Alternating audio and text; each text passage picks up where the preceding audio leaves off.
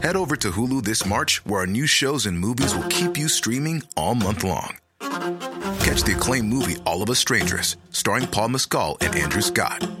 Stream the new Hulu original limited series We Were the Lucky Ones with Joey King and Logan Lerman. And don't forget about Grey's Anatomy. Every Grey's episode ever is now streaming on Hulu. So, what are you waiting for? Go stream something new on Hulu. Say hello to a new era of mental health care. Cerebral is here to help you achieve your mental wellness goals with professional therapy and medication management support. 100% online. You'll experience the all new Cerebral Way, an innovative approach to mental wellness designed around you.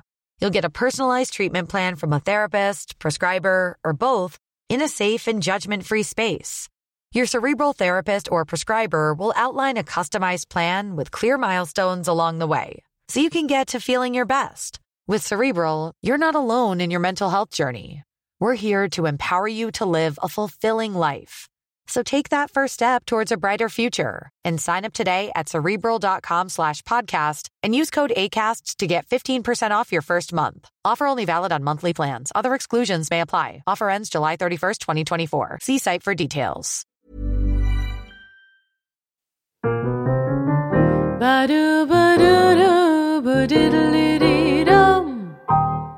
Kära lyssnare, kollegor, älskare och vänner. Välkomna till Burlesque-podden. Jag heter Aurora Brännström och vi sitter som vanligt på Custom Music Productions. Och vi har Andreas Hedberg som sköter ljud och redigering. Allt är som det ska vara. Men eh, det här programmet blir lite annorlunda. Det här är andra av tre i raden av ett antal program som jag har valt att kalla för Club Kids.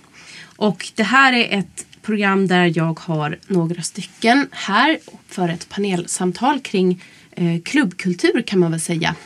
Så vi ska alltså få lära känna några av eh, besökarna eller fansen till de här klubbarna som vi ofta refererar till i det här programmet och även liksom publiken till de artisterna som har varit våra tidigare gäster. Varmt välkomna Simon Mogren. Hej! Hej Maria Fransson. Hej. Och Karin Wennerberg. Hej. Jag tänkte att innan vi sätter igång vår diskussion så får ni hemskt gärna bara berätta någonting kort om er själva. Vem är ni? Vilka är de här rösterna som vi får höra idag? Och vem vill börja?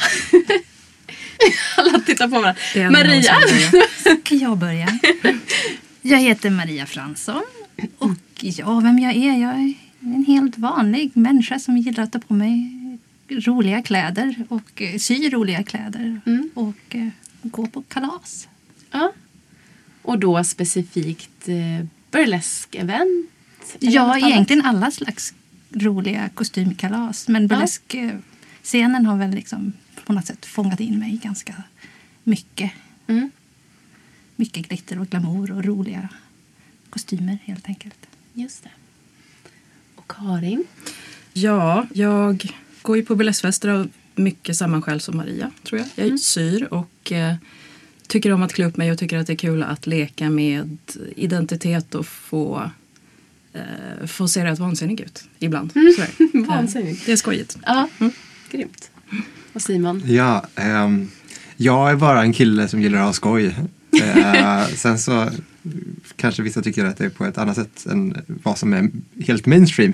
Man kan säga uh, att jag tycker om uh, det som kallas för subkultur eller alternativ kultur och mycket att det knyts till, till en specifik, specifik typ av musik som jag uppskattar. Så jag åker mycket på på festivaler och, och liknande i Europa och försöker ta vara på så mycket som möjligt som möjligt som det som också finns i, i Stockholm och Sverige. Mm. Eh, och även när det kommer till mer det här fet- fetischuttrycket, mycket glans och Mm. extrema, extrema kreationer tycker jag, jag tycker det är fantastiskt skoj. Just det, men jag har ju sett att du postar väldigt mycket kring det också. Det du gör liksom ute på klubblivet. Ja, jag har en, en eh, liten YouTube-kanal som heter Cold Candy, eh, kolgodis. Som är den här blandningen, alltså det hörs egentligen på namnet, men en blandning mellan sånt som är svart och sånt som är fortfarande roligt och fantastiskt. Och, alltså, för mig så är det bara ett annat sätt att ha skoj.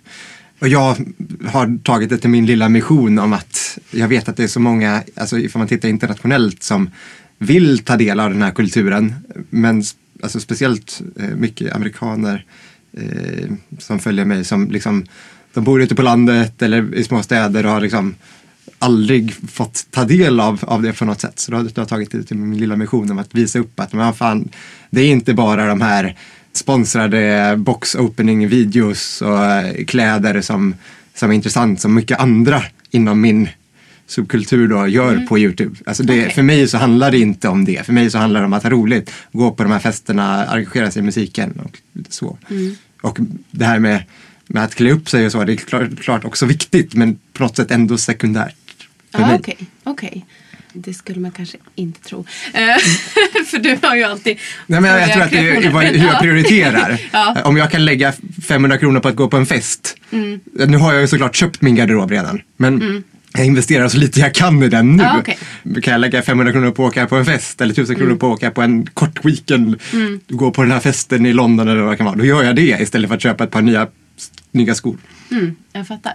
Men eh, jag tänker att eh, du har ju den här Youtube-kanalen. Mm. Eh, men jag tycker att, så här, det, eller som jag tänker det så har ni ju alla tre det gemensamt att ni finns på sociala medier och att ni postar mycket av det som ni gör. Alltså i, ja, men när ni klubbar eller och som ni två när ni syr till exempel. Ja, jag vet inte vem av er som gör det mest men men jag ser ju det ibland att så här, nu har Karin sytt en ny klänning eller nu har eh, Maria knopplat ihop någonting på en korsett här. Och så att det, att det är ändå någonting som ni har gemensamt här. Det är det ju. Eh, och mm. sociala medier funkar ju väldigt mycket som en kontaktyta för det där. Man hittar fester, man hittar sammanhang. Och det blir ju också väldigt mycket just med sömnaden att man delar med sig av bilder och får konstruktiv kritik och man får mm. idéer och man kan liksom bli bättre mm. på det. Bli bättre, lära sig mer om, om de perioder man sysslar med när man sysslar med historisk sömnad och reenactment som vi gör mm. båda två i någon utsträckning. Och lära sig mer och liksom bli mer insatt, bli bättre på det man gör vilket gör att det blir roligare. Mm. Förhoppningsvis få lite bra feedback också. Alltså det är ju en, en bonus, självbekräftelse. Absolut. Själv, verkligen en bekräftelse, självbekräftelsedel, den här sociala mediekontakten. Ja, att absolut. visa upp vad man har gjort och få Just lite mm. Mm. Och, och få inspiration av att titta på andras mm. grejer. Just det är det. fantastiskt roligt. Mm. Jag tänkte, för liksom, så att lyssnarna har någon koll på det. Vad, vad är det för typ av klubbar, eller kalas kallar du det, och festivaler som ni besöker? För mig så har det väl varit Frauke framför allt, mm. här i Stockholm. Och sen är det olika, vad ska man säga, historiska reenactment-event eller historiska baler. Nu på lördag så är det en stor 1680-talsbal på Salsta. I våras så åkte jag iväg med vänner till Versailles mm. och gick på wow. 1700-talsbal. Wow. Mm. Något av det mest fantastiska jag gjort i hela mitt liv tror jag. Inte, inte riktigt men var verkligen liksom helt mm. Inte att du gav en sjuk Nej, gå omkring på slottet och dricka champagne och ha snygga kläder med 500 andra människor. Mm. Sen har jag varit iväg, var iväg tillsammans med min partner i USA på Burning Man. Just det. Mm. Testade den. Det var också fantastiskt fast på ett helt annat sätt än Versailles mm. kan man säga. ja. ja. det är väl, ja, kalas helt enkelt. Ha roligt tror jag, precis som du säger. Det är liksom lite det som är grejen. Mm. Men jag har roligt genom att vara kreativ och sy. Mm. Jag tycker förberedelserna innan är liksom lika mycket av kalaset. Ja, ja jag förstår. Mm. mm. Är det så för dig också Karin? Uh, Förberedelser? Egentligen är det nästan eh, roligare. Det, det är väl att svära i kyrkan men jag tycker alltid att det är roligare tror jag. Egentligen faktiskt att sy grejerna än att använda dem. Ja. Uh, men det är jättekul att gå på fest också. Det är ja. superviktigt och jätteroligt som, som social grej och som, som en sorts andningshål. Liksom. Mm. Mm. Och vilka klubbar är du ofta besöker? Jag går mest på Frauke också nu för tiden. sen sysslar jag med Lite reenactment i olika former. Jag gör mm. mycket andra världskriget, framförallt svensk beredskapstid. Sysslar med att reenacta Lottakåren och lite andra kvinnliga frivilligorganisationer. Mm. Och går på fester kring det. Så det är mycket andra världskriget. Och så jag är lite 1700-tal också. Och går på lite sådana fester. Och sen kommer jag från början från syntscenen som Simon. Där jag fortfarande gick, hänger kvar. Ja, precis. Jag orkar sällan. Jag går på spelningar ibland mest. Jag borde egentligen försöka ta mig ut mer. Det var länge sedan sist. Mm. Men syntscenen, godscenen och sen drog Hoochie Coochie igång och hittade jag det. Ja. Och tyckte att det var fantastiskt. Mm. Ja, ja. Det var väl där det började på något sätt. I Stockholm, ja. Ja, absolut. precis. De var de första, för mig. tror jag. Ja. Ja. Okej, så där har ni en liten koppling då Simon och Karin med, med syntscenen. Ja. Jag känner ju dig sedan tidigare Ja. just därigenom. Då. Men, men det, det är väl det man, i Sverige så kallas det väl synt men i, inom Mm. väldigt, i, mer internationella sammanhang så är det väl goth. Mm. Eh, som är mer ett paraplybegrepp för allting och synt kommer in där under på något sätt. Då. Just det. Jag tycker fortfarande att det är fantastiskt skoj och speciellt att, att det är ändå det finns såklart sur, surmörtar överallt som säger, sitter och säger att nej men det dör och bla bla bla. bla. Men, men om man tittar på Europa så, så finns det hur mycket som helst om man är beredd att röra lite på sig. Sen så kanske det inte är så att det är en fantastisk fest i Stockholm varje eh, varje månad eller varje vecka. Liksom. Men det är några bra per år i alla fall och är man beredd att röra lite på sig som jag tycker är fantastiskt skoj så kan man fylla ett helt år och inte ens hinna med hälften.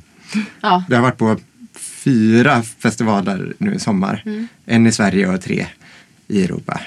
Och Det är så många mer som jag skulle velat åka på men Ja. det får bli nästa år kanske. Det går i cykler, scenen går i cykler. Det har den gjort hela tiden. Jag kom in i syntscenen i och började gå ut i slutet på 90-talet, mitten av 90-talet så var scenen pytte, pytteliten. Och sen så vart den skitstor kring 2000 med Teknar och så vidare och var stor ett tag. Och nu är den nog ner i någon sorts vågdal igen eventuellt.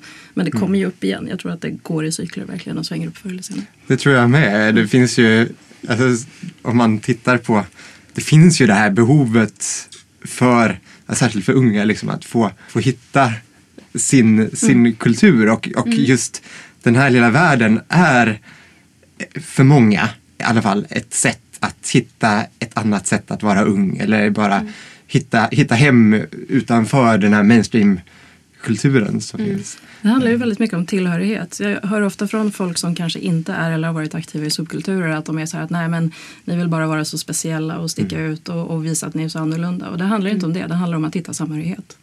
Att Ja. hitta en känsla av tillhörighet och gemenskap med folk som man klickar med som man, man liksom känner igen sig i på något vis. Det handlar inte om att skilja ut sig från massan utan om att hitta gemenskap.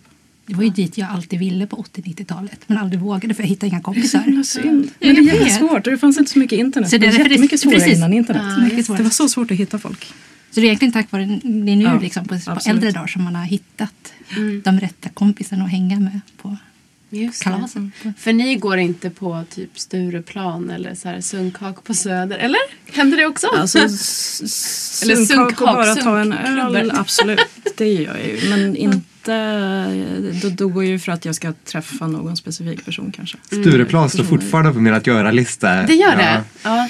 Jag känner, jag känner mig lite, lite skamsen för att jag liksom inte har testat det ordentligt. Men jag känner att ja, jag måste, måste be någon av mina vänner som, som går dit att ta med mig någon gång och bara här. Jag vill se hur det är.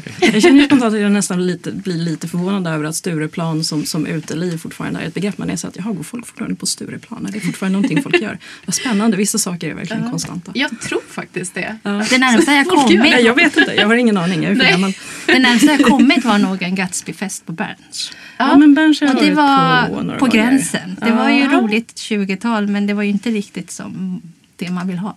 Nej. Nej men de där Gatsby-festerna blir ju inte det. det. Det är ju inte 20-tal det handlar om Nej. utan det, det, det är ju Gatsby som en sorts Som en sorts- shorthand för någonting annat. Liksom, för en, en specifik typ av väldigt modern, vad ska man säga, hedonism med lite så här 20-talsövertoner typ.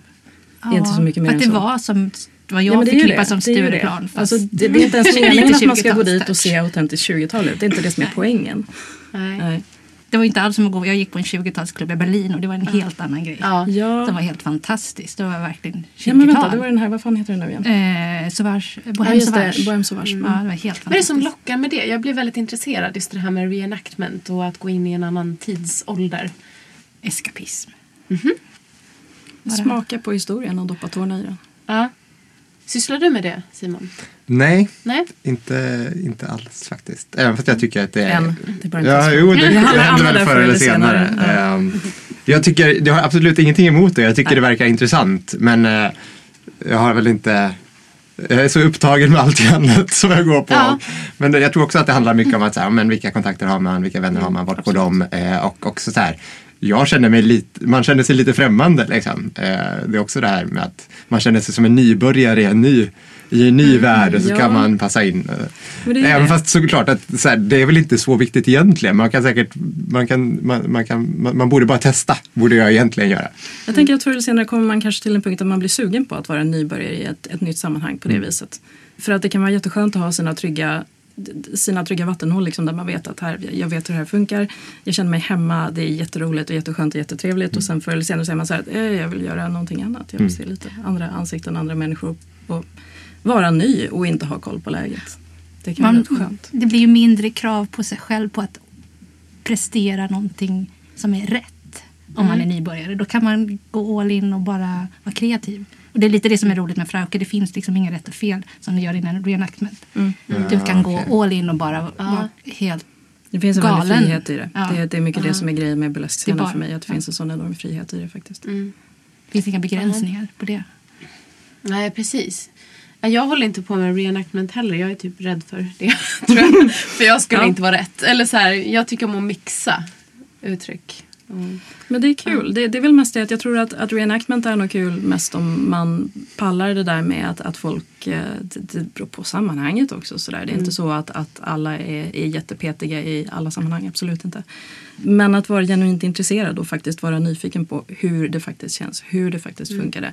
Jag är intresserad mycket av den fysiska upplevelsen av dåtiden. Liksom, Hur känns det att gå hela dagar i de här kläderna? Hur känns det att sy de här plaggen för hand med autentiska tekniker? Hur känns det? Liksom? Hur känns det att odla fåren? Ja, det vore någonting. Ja men det gjorde jag. ett Du gjorde det? Ja, vi hade får. Vi hade får. Jag testade spinna. Men jag spann ju aldrig så mycket så att det blev Nej. några kläder av det. Men jag fick liksom ja, Vet du hur det känns? veta hur det känns. Just Läsa vet in jag- mig på får och fundera på Ja. vilken, få- vilken slags får ska jag ha för att få Precis. rätt fiber, för att få rätt tyg. Ja, men för att... Just nu vet jag väldigt mycket om hur, exakt hur mycket karpaltunnelsyndrom man får i händerna av att handsy 1700-talskorsetter. Okej. Ja. Ja. Eh, Mycket. ja. mycket. Alltså, nej men för det är det jag tänker liksom, vad, vad händer med er om ni går in i en viss tidsålder liksom?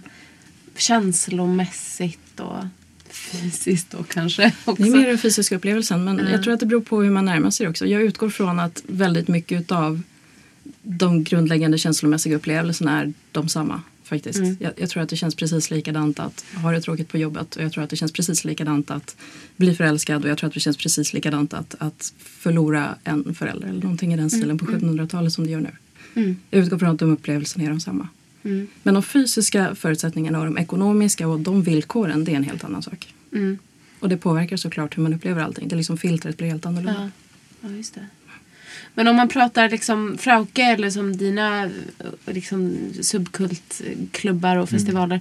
När man inte går in i en tidsålder så. Vad händer med er där? Vad händer i klubbmiljö? Liksom, känslomässigt, fysiskt, eh, sexuellt kanske? Ja. Mm. Där så skulle jag ju säga att, att det bästa exemplet är de, mer, de, de, de klubbar som är mer åt fetischhållet. Liksom, Där du faktiskt får klä upp dig och du använder latex eller PVC eller mycket glansiga kläder och mer, kanske att jag lägger mer, eh, mer energi på en outfit för en sån klubb än vad jag gör normalt. Där så är det ju faktiskt att, att det är någon typ av, av rent fysisk känsla som är, är kopplad till att, att gå ut i den miljön. Eh, och särskilt Alltså det som jag uppskattar så mycket, både med den, med fetischmiljön men också goth och subkulturscener, det är ju att alla som, eller ja, inte alla, men de flesta eller många som, eh, som är där är en del av faktiska dekoren. Alltså att, att det är inte bara en häftig lokal utan du kommer in och du ser alla de här, alltså det är som att träda in i en annan värld. Som jag gärna hade velat, velat, velat att hela världen såg ut. För att jag tycker att det är oerhört estetiskt tilltalande. Och det gör mig glad. Jag gillar att jag aldrig någonsin känner mig överklädd. Det är en stor del utav grejen med det som är skönt med burleskscener för mig. Att jag är aldrig någonsin mest överklädd. Jag är aldrig någonsin ett spektakel bland en massa människor i jeans och t-shirt. Och jag tycker det är jätteskönt. Jag, jag, den här känslan av att, att känna mig som alla andra, att inte sticka ut, tycker jag är fantastisk. Det är liksom en befrielse att Ja, gå all in och bara Ja. ta på sig precis vad som helst eller hur lite som helst och du är ändå aldrig värst. Precis, och veta att, att ingen kommer att komma fram och fråga en ifall man är på väg till, till en filminspelning eller, eller varför man ser ut sådär eller någonting i den stilen. Utan folk kommer bara liksom, nej men det är väl helt normalt. Liksom. Jag tycker det är otroligt skönt faktiskt. Ja, men åh, det där är så himla spännande. För det, det är någonting som jag själv har tänkt väldigt mycket på. Det där man kan få kommentarer ibland på, på hur man ser ut. Eller så jag, jag kan få det ibland här, när jag går och hämtar min unge på dagis. Eller så här. och så är jag på väg hit. Bara, Oj, jaha, vad ska du göra nu då? Liksom. Bara, ja, jag ska gå och jobba. Jaha, och så här, Eller att ja, men så här, random personer kan komma fram och så här, oj, vad ska du någonstans? Ska du på maskerad typ? Eh, man bara, nej, jag lever mitt liv. Så här. Och att jag tror att så här, gemene man som inte lever i de här världarna eller som går på de här klubbarna kommer kanske inte förstå varför vi tycker att det också är lite jobbigt att få de kommentarerna. eller det allra mesta är ju välment i grunden. Ja. Eh, det- Det är liksom sådär att jag råkar sällan ut för kommentarer som är direkt negativa. Mm. Men det kan bli... Det beror på. För det mesta tycker jag att det är helt okej men ibland kan jag bli trött på just att känna att jag måste förklara varför jag ser ut som jag gör. Ja, men precis. Nej, men jag har ju haft den här diskussionen med, jag ska inte nämna några namn, men folk i min närhet som, som liksom inte håller på med det här. Och, ja, men, och där, där jag fått liksom så här, ja men Aurora du måste nog bara förlika dig med det att du kommer alltid vara den som sticker ut. Så här. Okej, ja det kan jag kanske förlika mig med men samtidigt så tror jag att jag längtar efter just det som ni pratar om. Att vara i ett sammanhang där jag inte sticker ut fast jag kan vara hur jävla snygg och sexig och, och utlevande som jag vill. Och det liksom tas inte emot med så här höjda ögonbryn liksom. Ja. Utan det passar in. Jag går mycket på, på dekadans också. Och jag, Det är en favorit. Ja, det är härligt. Jag går mycket på Fraukes också. Mm. Men det, det är ju två olika miljöer liksom. Men det är också intressant just med, med dekadens. Det var ju också en sån klubb som, som jag kanske ramlade in i efter ett par år liksom, av att ha känt folk som, som gick där. Men det var också, för mig så var det ju verkligen så här, "Ja, men ska jag våga det här? Det verkar läskigt. Och så gick man dit och så var det bara fantastiskt. Vad var det som och så har jag kändes gått på läskigt? typ varje fest sedan dess. Ja. Eller, ja, av deras större fester som är mer inriktade på, på eh, utseende och klä upp sig och dans. Så. Ja. De går jag på. Sen så har de sina fester som är mindre som är mer inriktade på annat. Mm.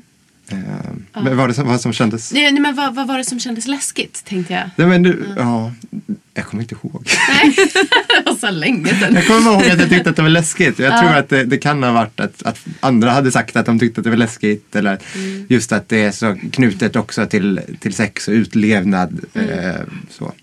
Just det. Tror jag främst mer än att, att det var Mm. I just det fallet att klä upp sig och, och passa in. Så. Mm. Ehm, Men det kan jag också eh, faktiskt, för jag var också lite sådär första, eller innan första gången jag gick på dekadans. Att jag, Dels var jag lite rädd för dresscoden. För att jag kanske inte, ja men jag använder inte lack och latex liksom. Jag tycker om höga klackar. Men det- passar ju in liksom. Men jag var lite rädd för dresscoden.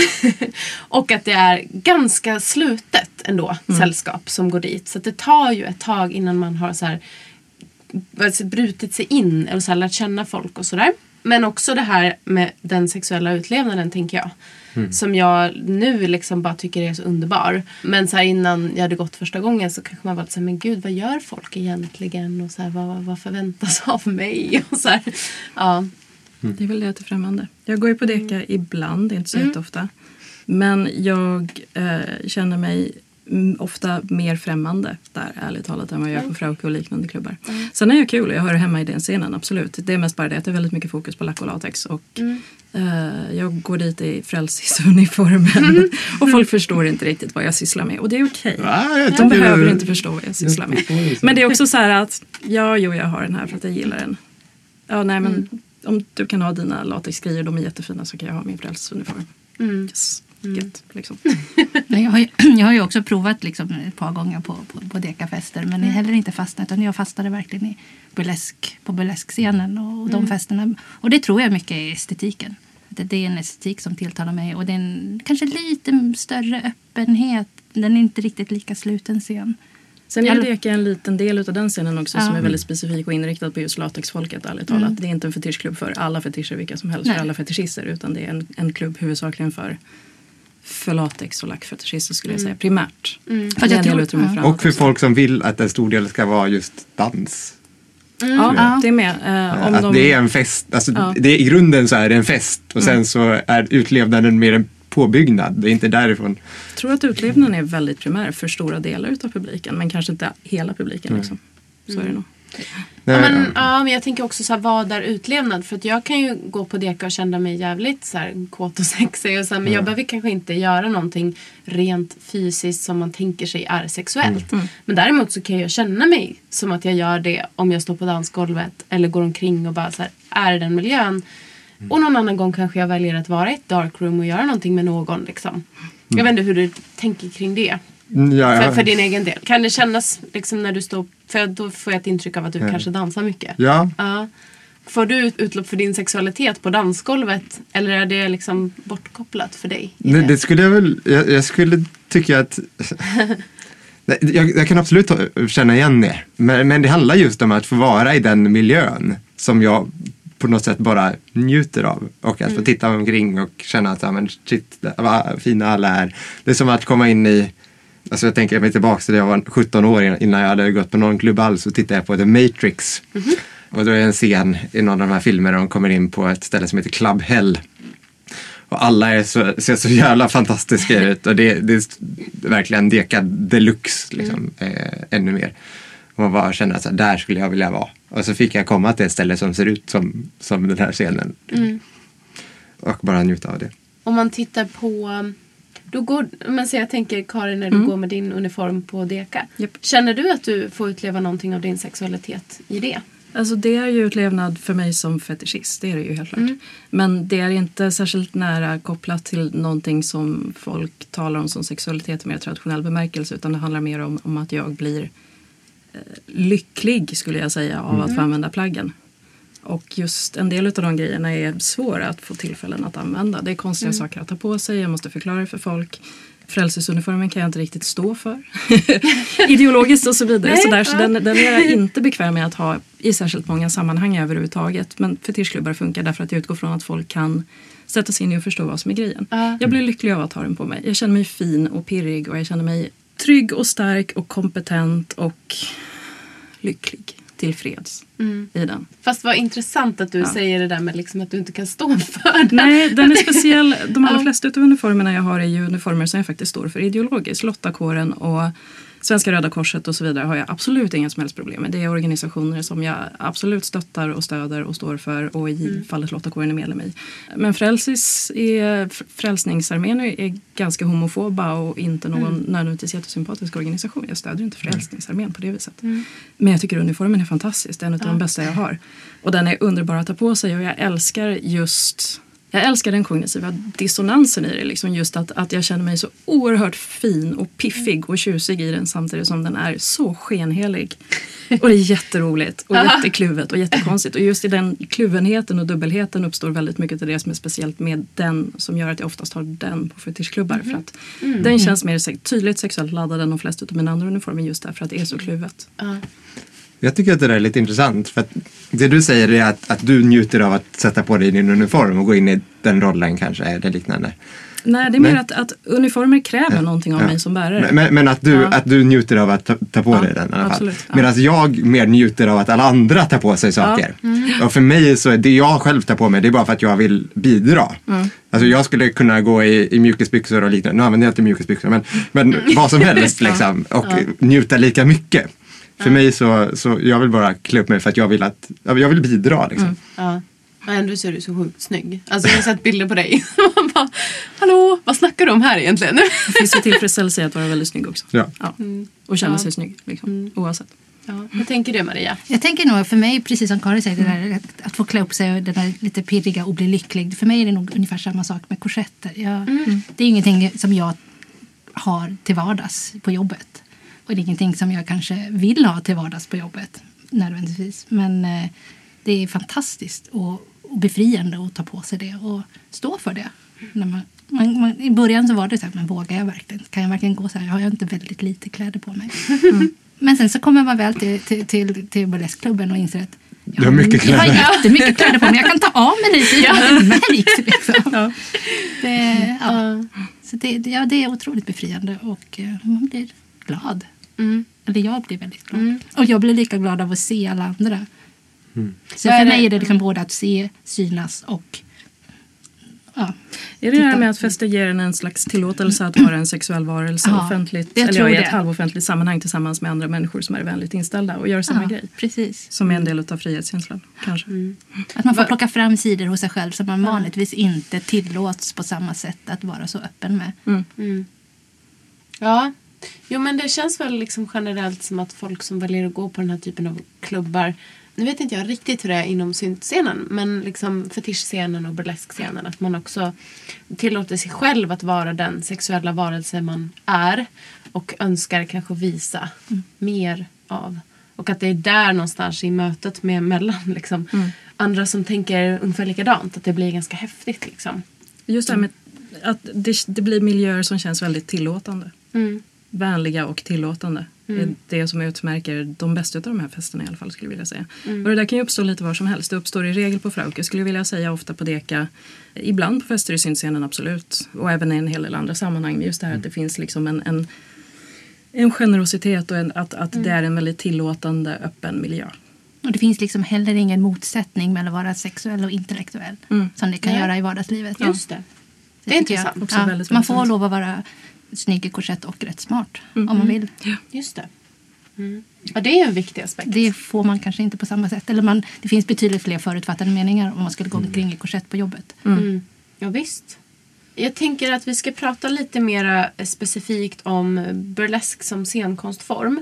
Men jag tänkte också, eftersom jag tänker att vi ska prata lite mer om scenkonsten. Jag bara vänder mig lite kort till dig Simon kring syntscenen. Kanske till dig Karin också om du vill fylla på. Hur skulle du liksom, om man jämför liksom syntmusik och sceneri med burlesk till exempel. Finns det några gemensamma nämnare om man tänker liksom kring eh, kroppsuttryck, sexualitet eh, eller, någon, eller är det helt olika saker? Jag skulle säga att det är helt olika. Ja, okej. Mm. Eh, Sen så är det klart att, nej, jag vet inte om jag kan. Ja. Jag gjorde ju väldigt mycket samma grej, delvis i alla fall, när det gäller kläder och att klä upp mig och så vidare i syntscenen som jag gör nu i burleskscenen. Fast mindre svart och mer andra färger. Mm, Typ. mm. Eh, Men, och det funkade ju i syntscenen, framförallt mer godsidan av scenen så att säga. Mm. Men det är en scen som är, upplevde jag i alla fall, och det har blivit bättre de senaste 10-15 åren, men, men det är en scen som är ganska snubbdominerad. Det är en rätt snubbig scen. De Ja, flesta Mm. banden är mestadels män. Det är män som gör mycket av musiken, det är män som driver mycket av klubbarna och så vidare.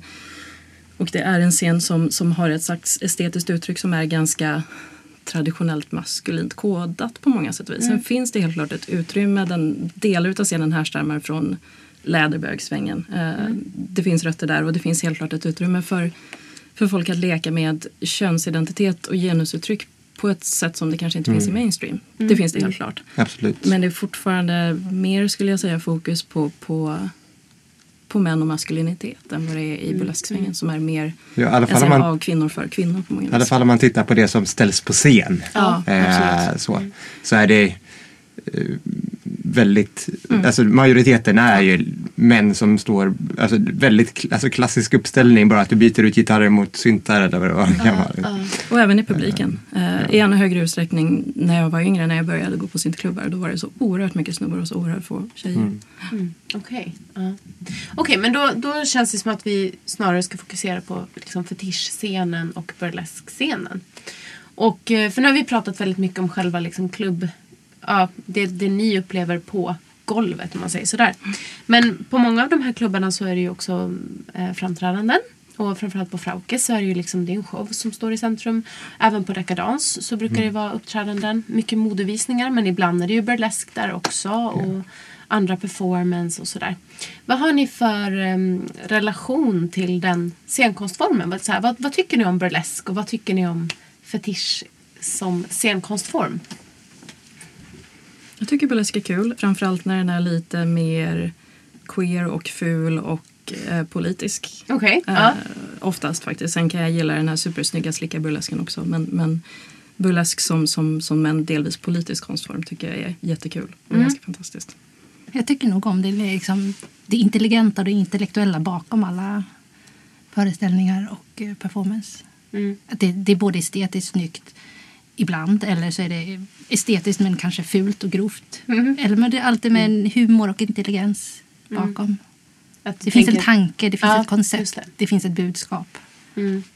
Jag har ju bara varit på en fetischklubb i i- i hela mitt liv. Nej, en, en eh, burleskklubb. Ja, jag. Eh, men, så jag ska väl inte uttala mig för mycket om det, förutom att jag tyckte det var väldigt intressant och bra. Men om man tittar på fetischscenen så skulle jag säga att alltså det är ju mycket som man känner så här, det här är så gjort. Eh, Men, men så är det de här, kommer de här showerna när det är någon som gör någonting som man aldrig har sett förut och det är helt fantastiskt man bara står och glor liksom. Eh, för det är mer än bara, eh, alltså mycket shower är ju, jag skulle säga att eh, om man tittar på syntscenen så det måste man ställer på på, på scenen är män men i fetischscenen så kanske mer kvinnor som får stå på scen. Det är mer än söta flickor på scen. Mycket mer. Eh, när det är de här numren som man känner att ja, men det här har jag inte sett förut. Det här var Ja. intressant. Och det kan vara allting från luftakrobatik till någon som kladdar med eh, UV-färg på scen. Liksom. För mig så handlar det väl alltså, det handlar mycket om estetiken igen. Att så här, Vissa saker får man bara en känsla för. Och för mig så är det jättesvårt att säga på förhand, så här, "Det- jag tycker om det här eller det här. Så jag är väldigt glad att det är någon annan som väljer vad som står på scen. Ja.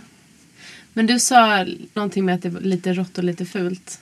Ja, när det... Eh, när burlesk som konstform sysslar med, med genusuttryck och Mm. med estetik och med skönhetsideal och allt annat sånt som, som Mm. burlesk kan utforska ibland. Liksom. Eh, det brukar jag gilla, det brukar jag tycka är kul oftast Mm. och mer intressant.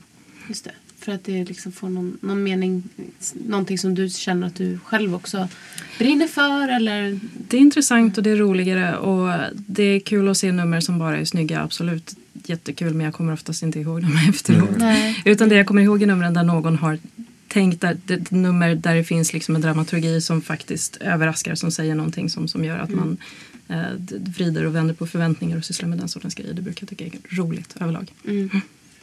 Just det. Mm. Ja, jag tänker på Fraukes eh, klubbar så brukar ju showerna vara väldigt blandade. Mm. Eh, hon försöker ju mixa liksom både det här vackert estetiska Mm. och klassiska med liksom neoburlesk och det är humor och det kan vara aktivism, feminism.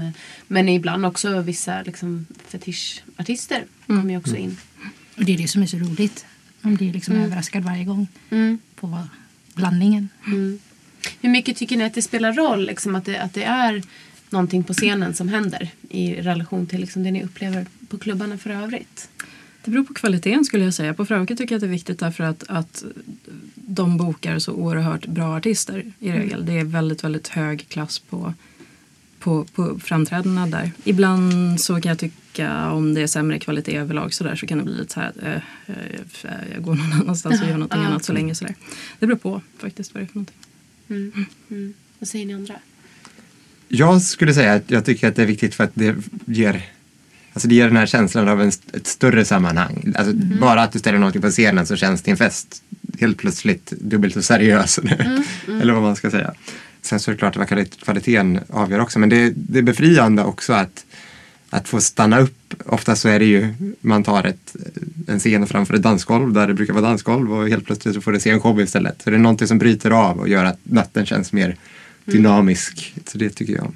Ja. Jag tror att en, en burleskklubb utan scenframträdanden så skulle för min del bli lite långtråkig. Liksom det är roligt att dansa, det är roligt att vara social och mingla och umgås och titta. Men ja, man, man vill ju se något, något spektakulärt och något överraskande. Och, någon, och just Fraukes klubbar, blir, ja, man har ju blivit väldigt bortskämd med en väldigt blandad och väldigt, alltså, väldigt bra blandning och väldigt hög kvalitet på artister. Men det finns ju, jag tänker att det finns ju olika koncept också på hur man väljer att lägga upp en klubb. På Fraukes är det ju väldigt mycket, men där är vi ju på Nalen och har en tillgång till den stora scenen och då blir det ju som att den showen blir på ett sätt. Men sen, nu, jag har i och för sig inte sett det, men jag vet ju att på Deka så ibland så har de liksom olika typer av event där det händer saker i olika rum. Att det blir så lite mera performanceaktigt liksom. Eller som Stockholm Dolls där de har satsat mer på go-go dancing till exempel. Att det inte är så här någon som kommer och annonserar en artist utan att de går in och Ja, att det bara händer typ. Och sådana typer av klubbar finns det ju mycket utomlands till exempel. Jag har inte så jättemycket att referera till förutom New York-scenen, burlesque-scenen. Men där finns det mycket liksom, olika klubbar där det bara händer saker. Där man kan vara på ett dansgolv och så kommer det någon ner från taket i, så här, och gör någonting trapetskonst. Eller så står det folk ute på väggarna. Eller så bara kommer in någon och så blir det spotlight mitt på golvet. Alltså det är sådär kan det ju också vara. Och att jag, det gör ju kanske någonting annat med... Ja, det blir en annan form av klubb och... Jag har inte provat det men det låter Nej. fantastiskt. Så det är spännande ut, att utnyttja utrymmet på ett annat vis också kan jag tänka Ja. mig. Att liksom göra andra grejer utav utrymmet och själva lokalen. Ja. Jag, vet- jag vet inte om ni har varit på Klubb Krut som eh, Nej. Sandra Kanel hade. För där, jag vet i alla fall att nu, nu har hon- inte hon den Nej. klubben längre. Men där så ibland, hon, det var en verkligen så här mixad klubb. Jag var på den två gånger. Men att hon, ja, men hon mixade väldigt mycket olika musikstilar och det var också burleskt. Men att hennes vision var ju mycket det där. Liksom att det skulle hända saker. Det kanske kom in någon på styltor och gick igenom klubben liksom och bara typ jonglerade med någonting. Och så kom det in en, en go-go-dansare som snurrade runt. Och sen så kunde det också vara blandat med typ nu är det ett eh, band på scenen. Liksom.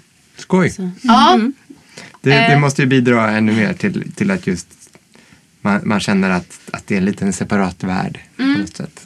Just den känslan som jag gjorde nog lite den grejen också tror jag. Technofester i Stockholm med delvis fetischpublik i, ja det är länge sedan, 2000 ungefär. Där i kroken. Va, vad sa du att det var för någonting? Chaos World-festerna Ah, heter de. Det var en serie right. fester och det var eh, flera dansgolv, mycket fokus på dansmusik av olika slag i olika former och de tog in internationella DJs och sådär. Sen brukade de ha ett darkroom och eh, det var mycket folk från bögscenen. Eh, och Mm. eh, det var också väldigt blandade fester som drog folk från syntscenen, från fetischscenen, från från queerscenen och från eh, technofolk liksom sånt där. Och så slängde de in lite performances här och var då och Ja. då under festen också. Det låter ju fantastiskt. Det var väldigt roliga fester. Ja, ja eh, jag känner så här, nu när vi sitter och pratar att jag kommer på grejer. Så just jag har varit på det och det. Liksom. Men, Mm. men det är ju som du säger att det kommer ju lite och går också i Det hänger ju på att det finns arrangörer som, som är intresserade och som Mm. orkar och, och som, som liksom kan driva den sortens tillställningar också. Mm. Faktiskt. Ja, precis. Mm. Det är ju inte liksom, det lättaste kanske. Nej, den sortens fester, de var duktiga. Jean Skarsgård hette en av arrangörerna om jag minns rätt. De Mm. var duktiga och hade eh, förmodligen väldigt mycket kontakter i väldigt många olika scener och på många Mm. olika håll så där, som gjorde att de kunde genomdriva dem. Mm.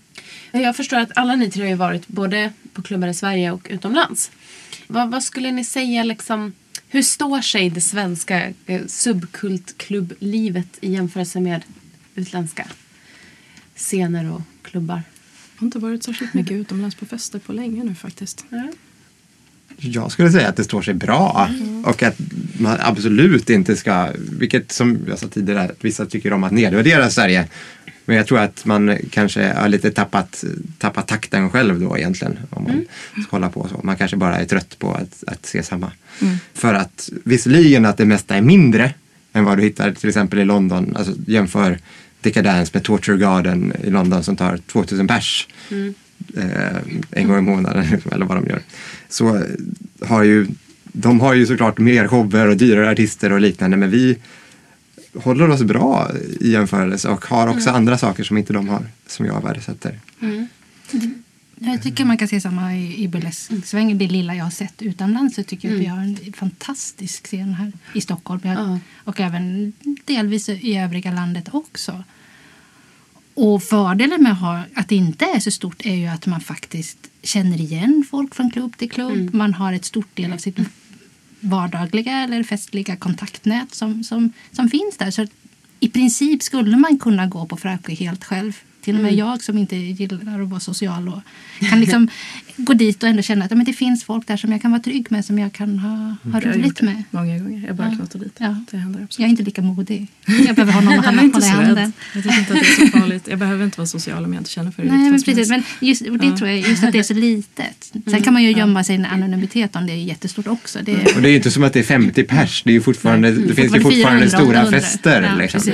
Eh, Det är bara att de inte är gigantiska. Nej. Men det är väl det jag har hört av, av folk inom burleskscenen också. Sådär, både artister som kommer till Sverige och, och folk som jag känner i scenen som reser och uppträder på andra ställen. Att den svenska scenen är bra och har en, en bra publik som är ganska engagerad i festerna. Just det. Tror jag. Mm. Men jag ska inte svära på det för jag har inte varit på fester utomlands på länge. Nej. Sen så uppskattar jag om, det, om när det kommer till festivaler att eh, att om, man, om du åker på typ gothfestivaler i Tyskland till exempel, då är ju tyskarna de är ju en aning stela eh, de tycker inte om om du dansar för mycket eller eh, är för töntig att lyssna på skoter. Typ, Okej. eh, när du går från den ena klubben till den andra. Eh, då ty- tittar de lite snett. Liksom. Eller så kan de säga nej, dansa inte, jag står faktiskt här. Typ. Okej. Tyska scenen har ju Ehm, alltid varit det, väldigt det händer ju inte i Sverige. De tyskarna är också lite äldre i de här sammanhangen. Eh, Så ifall du går- åker på eh, en god eller alternativfestival i, i Sverige då är det fortfarande hets och härj liksom. Och det är helt okej. det, och det, det älskar jag. Ja, okej. ja. Så jag, jag, jag eh, hävdar ju starkt att eh, av alla de länder som jag åker till, alltså Tyskland, Storbritannien, St- Nederländerna och så vidare som jag åker till regelbundet så är ändå svenskarna bäst på att festa. Även fast kanske festerna inte är mest magnifika. Okej. Så. Ja. Det är intressant. Vi har ett sinne för fest helt enkelt. Britterna är också helt okej. Ja, okej. För att de knarkar så mycket så att man undrar liksom. Bara, ja, det är lite fusk tycker jag. Ja. Då räknas det inte. ja, Maria och Karin sitter med så outgrundliga miner. Jag vet inte vad ni tycker om det här. Jag ja. känner mig uråldrig. Och det är skönt. Jag uppskattar det. Jag är tacksam över att jag är uråldrig. Detsamma. Vad härligt. Ja. Finns det någonting så här på, på vad gäller klubbscenen som ni saknar i ert liv? Eh, Mer uniformsfester men eh, det, det, det är ingen idé att gnälla. Det är bara att starta dem själv. Mm. Ja. Som alltid. Ja. Det saknar jag. Och så saknar jag hederliga Harrys.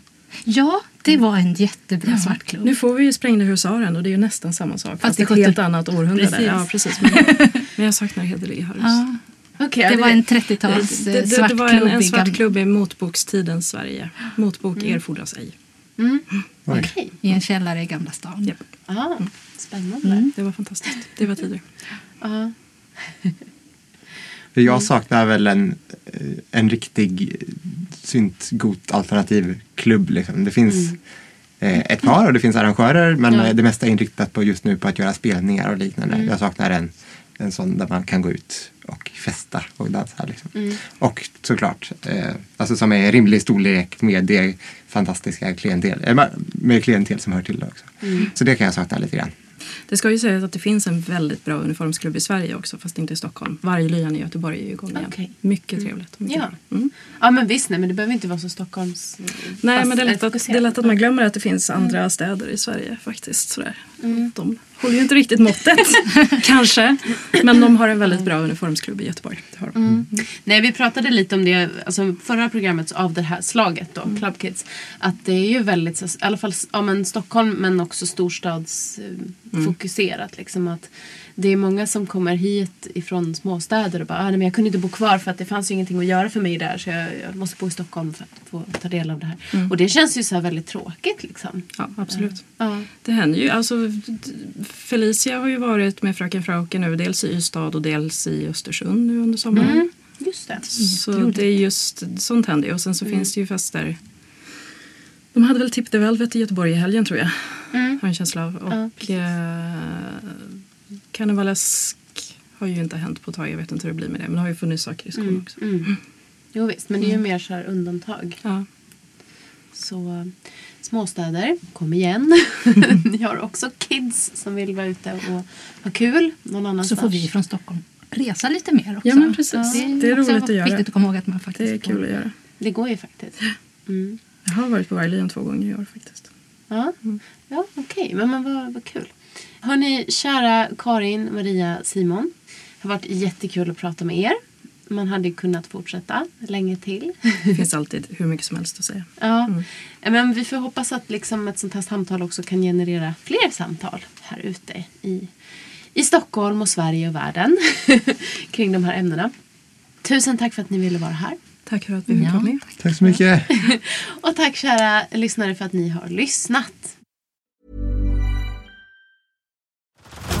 Head over to Hulu this March, where our new shows and movies will keep you streaming all month long. Catch the award winning movie Poor Things, starring Emma Stone, Mark Ruffalo, and Willem Dafoe. Check out the new documentary, Freaknik The Wildest Party Never Told, about the iconic Atlanta Street Party. And don't miss FX's Shogun, a reimagining of the epic tale, starring Anna Sawai. So, what are you waiting for? Go stream something new on Hulu.